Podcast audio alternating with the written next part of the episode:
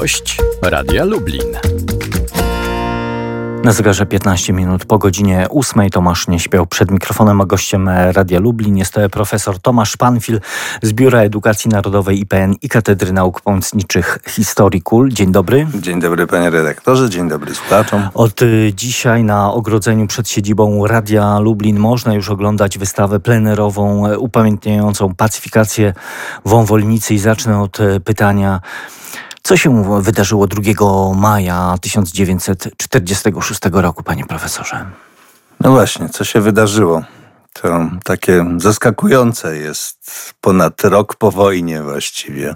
Front przeszedł dawno temu, a tu obrazki jak z najgorszych lat okupacji niemieckiej. Płonie cała wioska. A to grupa operacyjna Milicji Obywatelskiej z Puław przyjechała do Wąwolnicy wprowadzać porządek i wprowadzać nowy ustrój. E, I właśnie w ten sposób. Po ich przejściu zostały zgliszcza, zostały trupy, e, spłonęły ponad 100 zabudowań, spłonęło kilka tysięcy sztuk inwentarza. No i zostali ludzie, w których, w których ta, dzisiaj byśmy powiedzieli, trauma. Oni pewnie powiedzieli poczucie strasznej krzywdy zostało na długie, długie lata. Dlaczego e, ponad 20 funkcjonariuszy, którzy e, właśnie przybyli z Puław, jak pan powiedział, e, postanowili dokonać no, z premedytacją podpalenia tej, tej miejscowości? No z premedytacją, bo takie dostali polecenie od starosty pułaskiego. Ponoć brzmiało ono, zróbcie wreszcie porządek z tą wsią. Przyczyn było, przyczyny były złożone. Mm, trzeba pamiętać, że pierwsze lata powojenne niewiele się różniły od czasów okupacji, to znaczy wieś musiała odstawiać obowiązkowe kontyngenty. Tak jak Niemcy wybierali obowiązkowe dostawy zboża, mm, mięsa, tak samo robili komuniści. Co budziło oczywiście opór e, ludzi, którzy, którzy no, tych dostaw nie bardzo z, z niechęcią oddawali, a zwłaszcza tutaj ponoć chodziło o jakiś dodatkowy, nałożony od tak sobie przez, przez starostę obowiązek oddania dodatkowych mm, kontyngentu. No a poza tym y, trzeba pamiętać 1 maja, więc funkcjonariusze oczekiwali, że wieś będzie ozdobiona i wszyscy będą czcić 1 maja usłyszeli, że oni we wsi usłyszeli, że kontyngentów dodatkowych w czynie społecznym oddawać nie zamierzają, a poza tym oni e, obchodzą prawdziwe święto, czyli 3 maja. No i stąd polecenie, zróbcie z nimi porządek. W dokumentach y, UB e, można wyczytać, że Wąwolnica była nazywana gniazdem os, y, które zawsze pomagało faszystowskim e, bandytom. Och, no to właściwie to określenie można by pewnie na całą Lubelszczyznę rozciągnąć. Takich wiosek, y, wsi, miasteczek na Lubelszczyźnie było mnóstwo. Wiosek, wsi miasteczek, które pomagały żołnierzom Rzeczpospolitej, które pomagały żołnierzom legalnej władzy, które pomagały żołnierzom stającym w obronie wolności, prawa i suwerenności. Czyli siłą rzeczy to były miejscowości, które były niechętnie nastawione do, do uzurpatorskiej władzy komunistów, która przecież nie pochodziła z żadnego demokratycznego nadania, wyłącznie z siły sowieckich bagnetów. Więc tych y, rzeczywiście ostoi, jak to różnie UB i PZPR nazywało, czy wówczas jeszcze PPR, bandytyzmu, reakcji, klerykalizmu, wsi, w których y, żyli kułacy. Było całe mnóstwo, ale Wąwolnica tak, w dokumentach jest tak dosyć szczególnie podkreślany jej, jej demokratyczny charakter, no oczywiście określony jako reakcyjny i wsteczny. No więc miałby to też być przykład, tak, tak działa niestety ówczesna władza. E, zabija kogoś nie dlatego, że ten ktoś jest winny, tylko żeby zastraszyć, żeby posiać strach, żeby inni się już bali, żeby inni nie pomagali oddziałom leśnych, żeby potulnie i pokornie odstawiali y, to, czego nowa władza zażąda. E, ta kara przychodziła co najmniej kilkukrotnie, bo z jednej strony e, mamy pacyfikację i pożar, e, czyli tą bezpośrednią tragedię.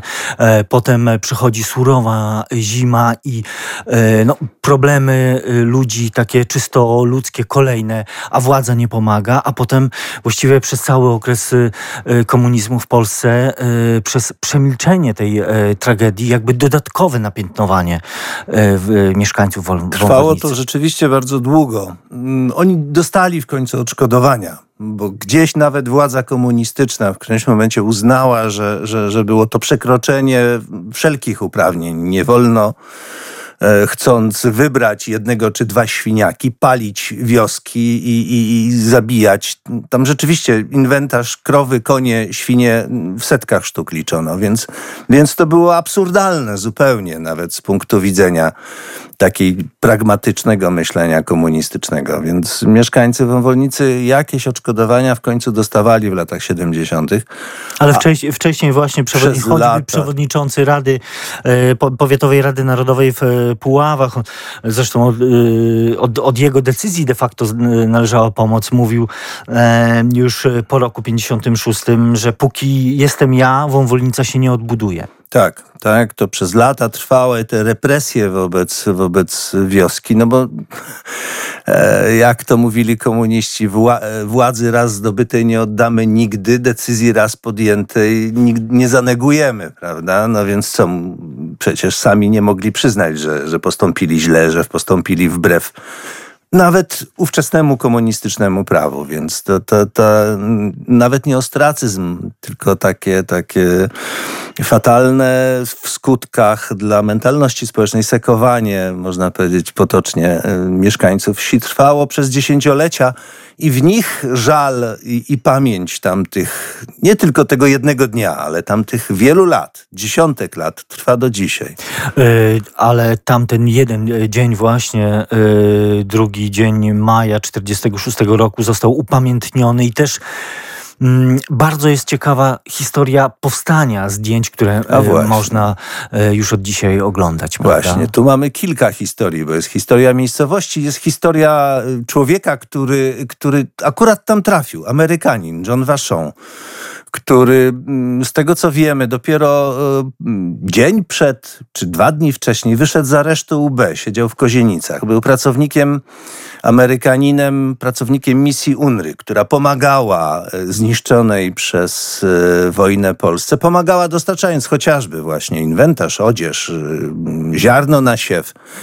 I on nawet nie wiemy dokładnie, czy kiedy zaczął robić zdjęcia, czy zdawał sobie sprawę, co się dzieje. Czy to, jest, czy to jest zwykły pożar, tak, czy tak. coś więcej Dokumentował wydarzenie. No, te, te zdjęcia nabrały jakby dodatkowej, dodatkowej wymowy, bo my wiemy, co się dzieje. Tak, i, i kiedy patrzymy na, na te fotografie, yy, na ogień, na rozpacz, na te dzieci yy, na tle płonących gospodarstw. kobiety. Dokładnie. I wiemy, że gdzieś w tle jest milicja obywatelska, prawda? Być może Waszą ich w pierwszym momencie nawet nie widział, kiedy, kiedy płonie wieś i dzieje się tak straszna tragedia, to człowiek się nie rozgląda po okolicznych górkach, lasach, czy tam się ktoś nie kryje. Po prostu Waszą chwytał to, co się działo przed jego oczyma na, na bieżąco.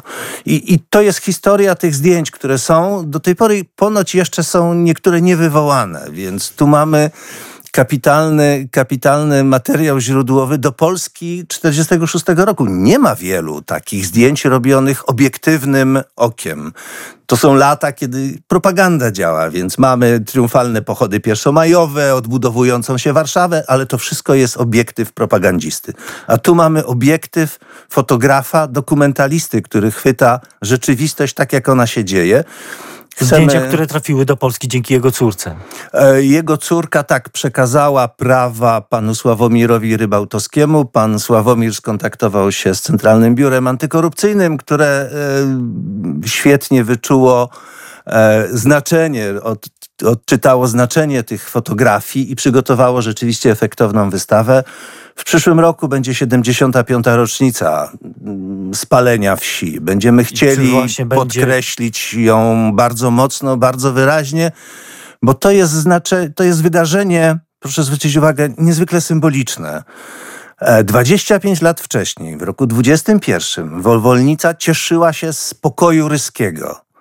Minęło, to był moment, kiedy wreszcie można było przestać walczyć, przestać się martwić o to, czy Polska przetrwa, zacząć budowę wolnej, suwerennej ojczyzny. 25 lat później mamy podobny moment. Też wojna się niby skończyła, tylko, tylko co się dzieje? Przyjeżdża ktoś, kto się mieni być nową władzą i niszczy dorobek. To, co ludzie uchronili przed Niemcami, to, to, czy odbudowali po zniszczeniach niemieckich, to idzie z dymem z rąk rzekomej nowej władzy. Dwa pokoje, dwa końce wojny, jakże dwa różne obrazy. I o, o tym warto pamiętać, warto przypominać. Przypomina to wystawa, którą można oglądać, wystawa plenerowa e, umieszczona na ogrodzeniu przed siedzibą e, Radia, Polskiego Radia e, Lublin. Otwarcie o godzinie 12. E, e, Zachęcamy Państwa do obejrzenia tej wystawy. Tymczasem bardzo dziękuję za rozmowę. Profesor Tomasz Panfil z Dziękuję Biura również. Edukacji Narodowej IPN był gościem Dziękuję. Radia. Tomasz nie śpiał, do usłyszenia.